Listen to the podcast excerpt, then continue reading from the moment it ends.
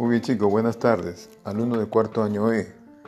Eh, definitivamente ya con todas las aclaraciones, los detalles, todo, me parece que ya ármate de valor y ponte como un alumno mariateguino de corazón. Pues. No hay excusas. Graba tu voz, es una competencia, se expresa oralmente, ¿ya? Sé que lo vas a hacer bien. Procura cumplir con tu trabajo, porque ya más que puedo hacer, ya les he explicado ya y dar la oportunidad para que lo puedan hacer en mensaje de voz o en este aplicativo. Tengan a la mano su guion para poder leer su guion. Si no, se van a bloquear y no van a poder decir, pues por eso es que es importante tener el guion.